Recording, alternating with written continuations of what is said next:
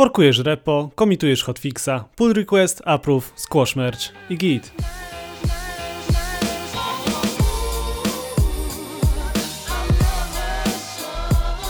Witajcie w glosariuszu programisty, podcaście, który pomoże Wam odnaleźć się pośród wszystkich wyrażeń ze świata koderów, niezależnie od tego, czy swoją przygodę z programowaniem dopiero zaczynacie, czy macie już trochę doświadczenia.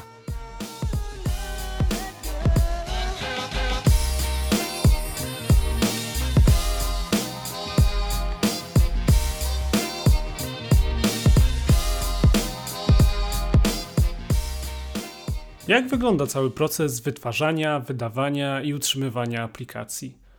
Przejdźmy sobie przez taki trochę uproszczony scenariusz, zagłębiając się trochę bardziej w każdy z etapów. Na początek załóżmy, że nie mamy nowoczesnych narzędzi, które ten proces nam ułatwią. Uwaga! Jak na glosariusz przystało, będzie sporo obcych słówek. Zaczynamy oczywiście od napisania kodu naszej aplikacji. Tworzymy cały projekt od zera albo dodajemy nową funkcjonalność, piszemy poprawkę błędu, no nieważne. Dla spójności z poprzednimi odcinkami możemy wrócić do przykładu naszego wypasionego bloga. Do każdej linijki kodu piszemy testy, bo oczywiście chcemy dbać o jakość naszego kodu, no i chcemy też zaoszczędzić trochę czasu na szukaniu powodów potencjalnych błędów. No chyba, że nie mamy czasu albo jesteśmy leniami, to nie piszemy testów. Ja jednak polecam pisać. W końcu dochodzimy do momentu, gdy stwierdzamy, że nasz projekt spełnia założone cele. Całość należy dokładnie przetestować. Uruchamiamy wszystkie testy po kolei, wpisując odpowiednie komendy w konsoli. Jeśli nie napisaliśmy testów, musimy całą aplikację przeklikać ręcznie. W sumie to, jeśli napisaliśmy testy, i tak przeklikajmy aplikację ręcznie. Spróbujmy ją jakoś zepsuć. Jak w kawale o testerze, który przyszedł do baru i, wiecie, zamówił ABC drinków. Takie klikanie i odpalanie testów jest oczywiście potwornie nudne, więc zauważamy pierwszy obszar, który wypadałoby jakoś zautomatyzować. No dobra, aplikacja przetestowana. Jesteśmy pewni, że działa tak jak należy. Czas zbudować wersję produkcyjną, albo inaczej build produkcyjny. Build, jak w angielskim budować. Czym jest taki build produkcyjny? No więc, rozwijając aplikację, często korzystamy z narzędzi, które pomagają nam w jej budowie. Korzystamy z debugera. Debug, czyli z angielskiego odrobaczać. Przyjęło się, że błędy w aplikacjach nazywają się bugami, czyli właśnie robakami, których nikt nie chce przecież oglądać. Debugger pozwala więc na podgląd aktualnych wartości w programie, uruchamianie go krokowo, tak by widzieć po kolei, co się dzieje w każdej linijce kodu i tak dalej, i tak dalej. Takie narzędzie pozwalające na do, dogłębną analizę kodu wymaga pewnych dodatków do aplikacji, które nie są potrzebne już zwykłym użytkownikom, więc usuwa się je właśnie w buildzie produkcyjnym. Dodaje się w nim również różnego rodzaju optymalizacje. Kompresuje się kod, zaciemnia się go. Czym właściwie jest zaciemnianie kodu? Ogółem to takie zrobienie rozgardiaszu w nim, żeby nie dało się go wygodnie czytać.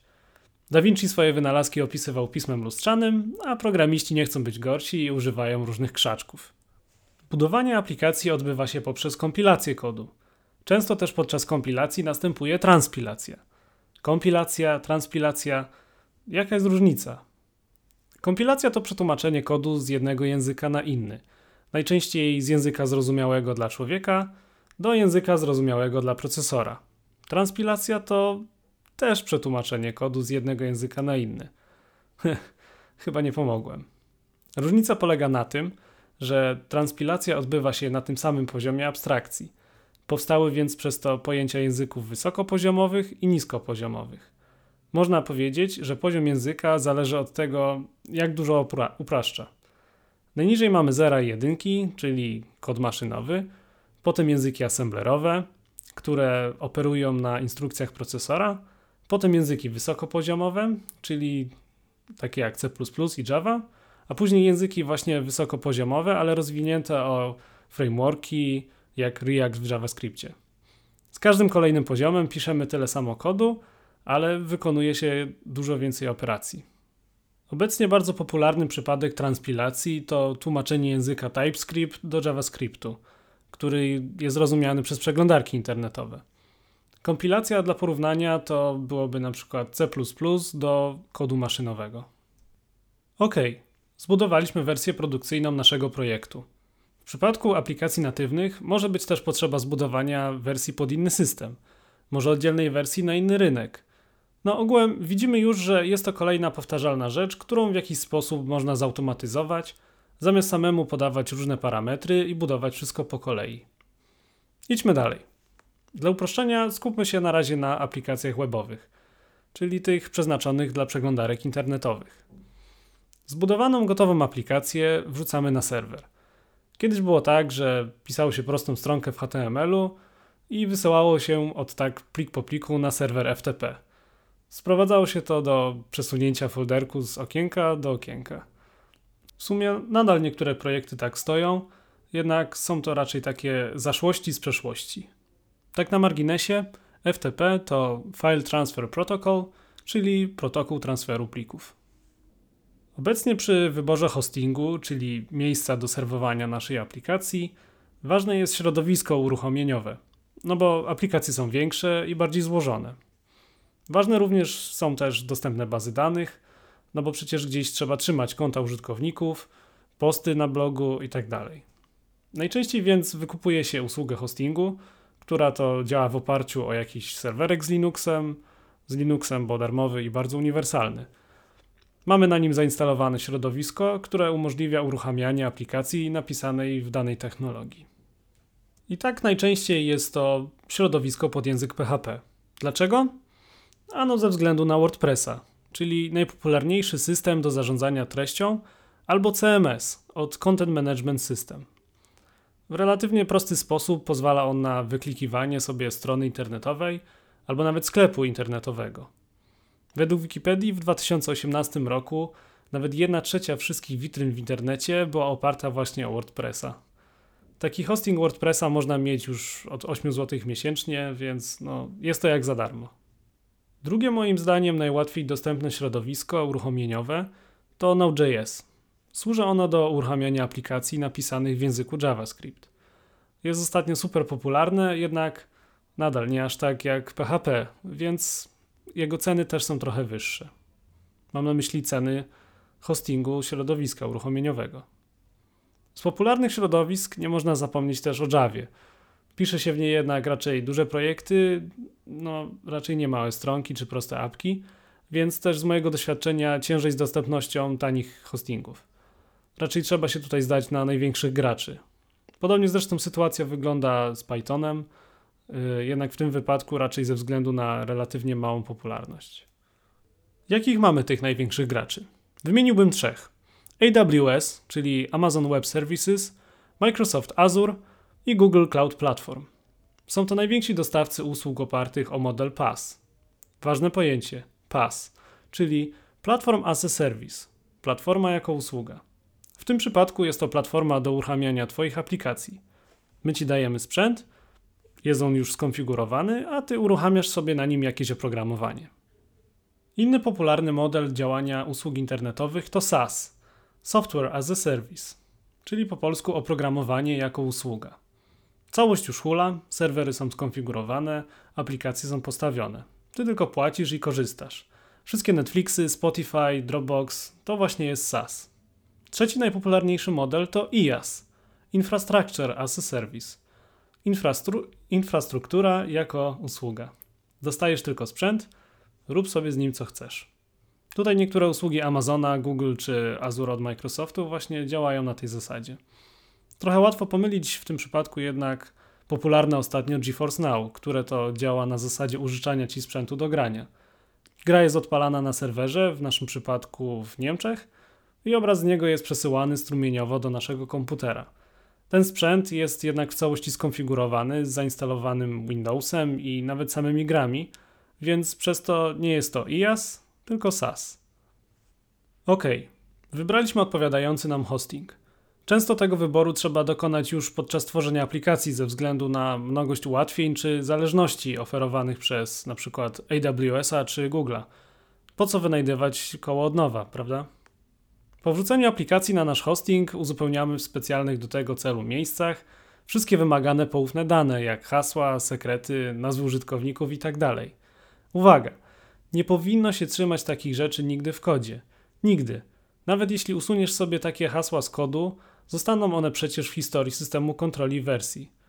Aplikacje na produkcji wypadałoby przetestować. I co? Znowu klikać wszystko? Przydałoby się móc testować wszystko na serwerze jeszcze podczas rozwoju aplikacji. No bo co jak teraz wyjdą jakieś kwiatki? Wrócimy do tego za chwilę. Rzućmy jeszcze okiem na to, jak wygląda proces wydawania aplikacji mobilnych. Piszemy kod, testujemy go, tworzymy build produkcyjny, podobnie jak w przypadku aplikacji desktopowych. Już byśmy chcieli wrzucić naszą apkę do sklepów, ale ale. Najpierw trzeba przejść proces certyfikacji aplikacji. Zarówno App Store, jak i Google Play mają wiele różnych obostrzeń, by zminimalizować piractwo i ilość śmieciowych aplikacji. Na App Store ma tych wymagań oczywiście dużo więcej niż sklep Google'a, ale dzięki temu też trochę mniejsze jest jego zagracenie. Po utworzeniu certyfikatów każdą wersję trzeba opisać, oznaczyć odpowiednim numerkiem, zrobić zrzuty ekranów, rozesłać wersję dla beta testerów i widzimy już kolejną rzecz, którą można usprawnić i zautomatyzować. Dopiero po tym wszystkim aplikacje trafiają na szybką kontrolę y, po stronie Apple'a albo jeszcze szybszą po stronie Google'a, no i w końcu do użytkowników. Cały ten proces jest długi i złożony, ręcznie to nuda i flaki z olejem. Jak już wspominałem, jest też kilka obszarów, które można zautomatyzować, po to, by móc robić to w sposób ciągły. W dzisiejszych czasach wydawanie kolejnych wersji musi dziać się szybko, klienci chcą widzieć postępy, środowisko pracy dewelopera musi przypominać jak najbardziej to produkcyjne itd. Tak Taki proces opisują terminy ciągła integracja i ciągłe dostarczanie, lub po angielsku w skrócie CI/CD od Continuous Integration i Continuous Delivery. Są oczywiście do tego różne wspaniałe narzędzia. Ich zadaniem jest automatyzacja powtarzalnych procesów, tworzenie wielu środowisk przypominających te produkcyjne, powiadamianie programistów o błędach, dostarczanie ostatecznych wersji do klientów i tym podobne. O, ważne jest to, że każde wrzucenie wersji produkcyjnej nazywa się wdrożeniem albo częściej deploymentem. Pierwszym z takich pomocnych narzędzi jest Jenkins. Jest darmowy, jednak wymaga samodzielnego hostowania, to znaczy sami musimy sobie postawić i skonfigurować serwer, albo możemy skorzystać z dostępnego rozwiązania PAS, żeby mieć gdzie tego Jenkinsa uruchomić. Jeśli nie chcemy się w to bawić, mamy oczywiście rozwiązania CI/CD w modelu SaaS, jak na przykład Travis. Do niedawna miałem wrażenie, że wszystkie otwartoźródłowe projekty były postawione właśnie na nim, co rozpoznać można było po małych odznakach ze statusem testów albo numerkiem wersji widocznych w plikach, w plikach README. Jest on darmowy do zastosowań niekomercyjnych i umożliwia nawet budowanie projektów y, pod Maca y, bądź iPhony. W przypadku Jenkinsa też jest to możliwe, jednak y, musielibyśmy tego Jenkinsa postawić na Macu.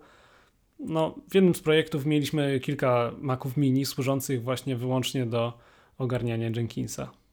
Inna fajna alternatywa to Circle CI. Jest podobna cenowo jak Travis, również ma wsparcie dla środowiska Apple i moim zdaniem jest całkiem przystępna cenowo. W ostatnim czasie proces automatyzacji stał się na tyle popularny, że nawet firmy jak GitLab czy GitHub zaczynają rozwijać swoje podobne rozwiązania CI/CD. Jest niestety przy tym trochę konfigurowania i kombinowania, ale ostateczny efekt jest no, naprawdę tego warty. No, idealnie byłoby, gdyby wszystko było w jednym miejscu. Dobry hosting, najlepiej oparty o rozwiązania AWS albo Google'a, zintegrowane narzędzia do ciągłej integracji, no i może jeszcze jakaś diagnostyka albo statystyki. No i tak się składa, że już powstają takie rozwiązania. Moim zdaniem wyjątkowo warte uwagi jest site. Znajdziemy w nim wszystko, o czym przed chwilą wspomniałem. Ma do tego wygodny interfejs z ciemnym motywem, więc jest pro-elo. No i przyjazną, interaktywną dokumentacją. Bardzo mi się podoba w nim integracja z najpopularniejszymi frameworkami. Uruchomienie aplikacji opartej, opartej na Next.js, który zresztą jest również od Zeita, nie wymagało ode mnie napisania nawet jednej linii konfiguracyjnego kodu. W sumie to brakuje mu tylko jednej rzeczy. Nie ma w tym całym zestawie bazy danych. Możemy jednak do tego celu wykorzystać na przykład y, Elephant SQL, które w darmowej wersji mm, no, do nauki w zupełności wystarczy. W przypadku aplikacji mobilnych istnieje taki fajny pakiet o nazwie Fastlane. Jest to pakiet narzędzi, który połączony z usługą CI automatyzuje procesy takie jak zrzuty ekranów, wrzucanie testowych wersji dla testerów czy dodawanie opisów aplikacji. Wystarczy raz to skonfigurować i potem jedną komendą wykonuje się pełno powtarzalnych operacji. Wszystkie wspomniane przeze mnie narzędzia działają na zasadzie pipeline'ów, czyli mm, rurociągów. Nie, no nie będę tego tłumaczył na siłę. No więc pipeline to ciąg wykonywanych operacji podczas budowy aplikacji. Definiujemy więc, że chcemy najpierw na przykład wykonać testy, potem zrobić screenshoty, potem wysłać powiadomienie do biznesu i tak dalej. No ogółem super wygodne.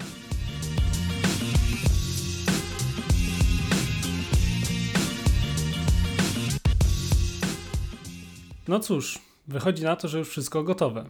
W przypadku aplikacji webowych na koniec zostaje nam tylko wykupienie fajnej domeny i powiązanie jej z naszym produktem. Wszyscy usługodawcy hostingowi umożliwiają łatwe spięcie z domeną dowolnego innego usługodawcy. Niektórzy też udostępniają swoje serwery DNS, dzięki czemu serwowanie aplikacji działa jeszcze sprawniej. A właśnie, czym jest DNS? Moim zdaniem jest to bardzo ciekawy temat. Rozwinięcie skrótu to Domain Name System, czyli system nazw domenowych. Zajmuje się on tłumaczeniem adresów internetowych na adresy IP. Taki fajny przykład z normalnego życia to nazwa miasta, a położenie geograficzne. Trudno byłoby zapamiętać dokładne współrzędne każdego miejsca, więc używa się nazw, jak na przykład Kraków. No więc w jaki sposób uzyskać taki adres i skąd komputer ma wiedzieć, którymi kablami dotrzeć do serwera? Zacznijmy od naszego urządzenia. Wklepujemy na przykład amazon.com Załóżmy, że nigdy nie byliśmy jeszcze na tej stronie, więc na tym etapie nasz komputer nie wie, co to za strona, ani skąd ją wziąć. Pyta się więc serwera DNS od naszego usługodawcy internetowego jak UPC albo T-Mobile, czy może on wie. Jeśli wie, zwraca nam adres i wszystko jasne. Jeśli nie wie, to przynajmniej wie kogo spytać. Na świecie jest 13 głównych serwerów DNS, tak zwanych root servers. Pyta więc jednego z nich: Hej, wiesz gdzie jest ta strona? Nie, ale znam specjalistę od stron z końcówką .com. Root server zwraca tą informację do DNS-a od naszego dostawcy internetu. Pyta więc specjalistę od końcówek.com. Hej, masz tę stronę? Nie, ale wiem, kto ją trzyma. I zwraca adres IP serwera, najpewniej gdzieś we Frankfurcie. To info leci do dostawcy, od niego do naszego kompa. Jest to oczywiście przykład w dużym uproszczeniu, ale daje pogląd na to, jak wygląda cały proces – i tłumaczy, dlaczego po wykupie i przypisaniu domeny trzeba poczekać kilka godzin, aż nasza strona stanie się widoczna dla naszej przeglądarki. Serwery DNS muszą wymienić się tymi informacjami i rozpropagować je pomiędzy pozostałe serwery na całym świecie.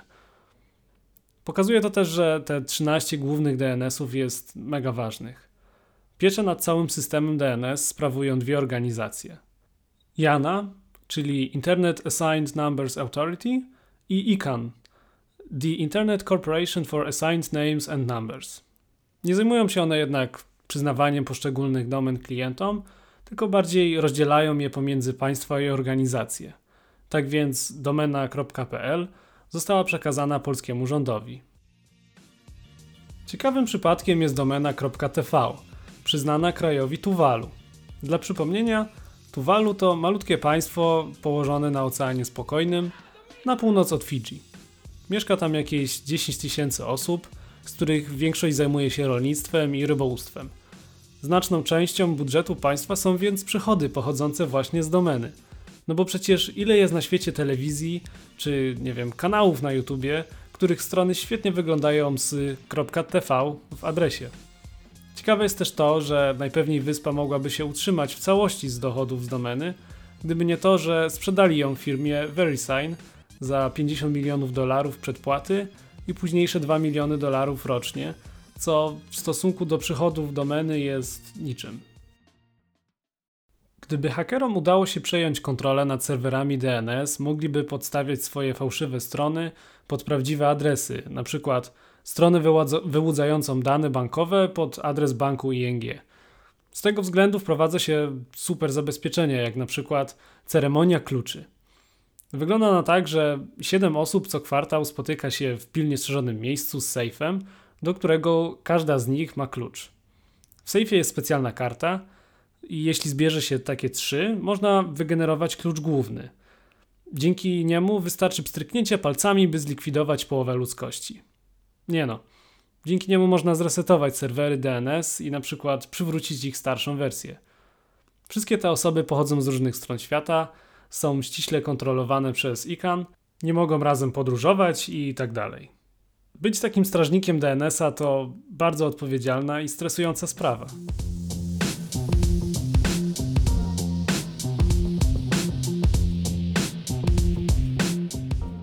No dobra, jeżeli jesteśmy już przy temacie domen, to wspomnę jeszcze o protokole i certyfikatach SSL. Ogółem temat szyfrowania i zabezpieczeń jest bardzo zawiły, więc skupmy się tylko na tym, co najważniejsze. SSL, czego rozwinięciem jest Secure Socket Layer, to protokół sieciowy przyjęty jako standard szyfrowania na stronach internetowych. Certyfikat SSL poświadcza wiarygodność domeny albo jej właściciela. Gwarantuje on nam, że komunikacja między użytkownikiem i serwerem odbywa się w poufny, bezpieczny sposób. Taki certyfikat jest udzielany przez jakiś niezależny podmiot. To, że dana strona jest zabezpieczona certyfikatem lub szyfrowaniem, łatwo rozpoznać po prefiksie HTTPS widocznym na pasku adresu. Przeglądarki dodają też często jakąś ikonkę kłódki albo zieloną informację o tych zabezpieczeniach.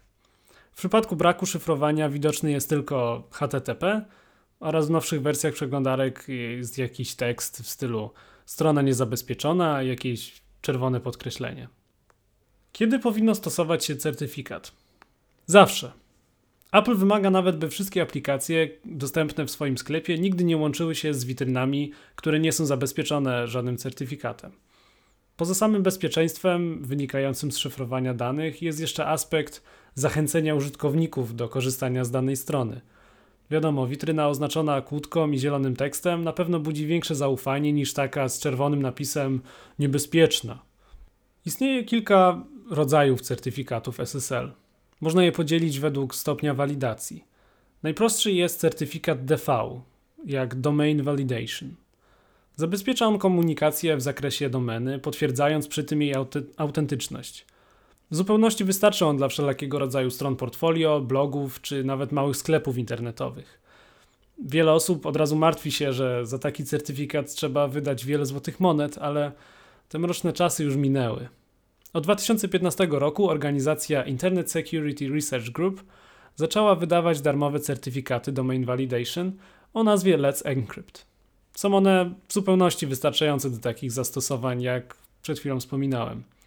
No i co jest bardzo wygodne, to fakt, że hostingodawcy często umożliwiają uzyskanie takiego certyfikatu z poziomu ich strony. Nie trzeba więc nawet specjalnie niczego szukać, ani tym bardziej wypełniać jakichś formularzy. Klik, certyfikat DV Let's Encrypt i domena bezpieczna. Jeżeli jednak jest nam potrzebny wyższy poziom zabezpieczeń, np. w serwisach operujących na większej ilości danych osobowych, wtedy lepiej jest wybrać certyfikat OV Organization Validation. Jak nazwa wskazuje, potwierdza on również autentyczność organizacji, więc jest to odpowiedni wybór dla hoteli, urzędów czy dużych sklepów internetowych. Niestety tutaj już trzeba wydać około 400 zł rocznie, no ale zapewnia on gwarancję finansową do nawet kilkuset tysięcy złotych. Najwyższy poziom zabezpieczeń oferują certyfikaty EV Extended Validation. Osoba lub firma starająca się o rozszerzoną walidację musi przejść przez aż 3 stopnie weryfikacji. Sprawdzane są więc dane firmy, umowy, a także samo prawo do posługiwania się daną domeną. Dane te można potwierdzić co prawda przez rozmowę telefoniczną, jednak no, jest to dodatkowy zachód. A, jeśli działalność firmy nie przekracza 3 lat, dodatkowo weryfikuje się rachunek bankowy. Strony zabezpieczone w ten sposób posiadają zielony pasek adresu w przeglądarce, który dodatkowo oznaczony jest do nazwą firmy, więc no jest to też dodatkowy rodzaj prestiżu. Najłatwiej spotkać ten certyfikat podczas logowania do banku. To właśnie branża finansowa najczęściej wykorzystuje ten certyfikat. Ceny za rok posiadania jednak to już około 1000 zł. Oczywiście gwarancja finansowa jest też o kilka tysięcy wyższa niż w przypadku certyfikatu OV.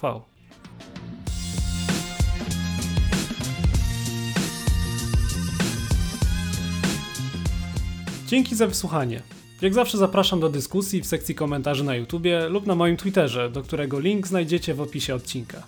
Oczywiście zachęcam do subskrypcji, gdziekolwiek mnie słuchacie. Podcast jest dostępny na YouTubie, Apple Podcasts, Google Podcasts, Spotify i kilku innych serwisach do słuchania podcastów. W następnym odcinku kolejna porcja słówek połączona z różnymi dobrymi praktykami programowania. Do usłyszenia w glosariuszu programisty.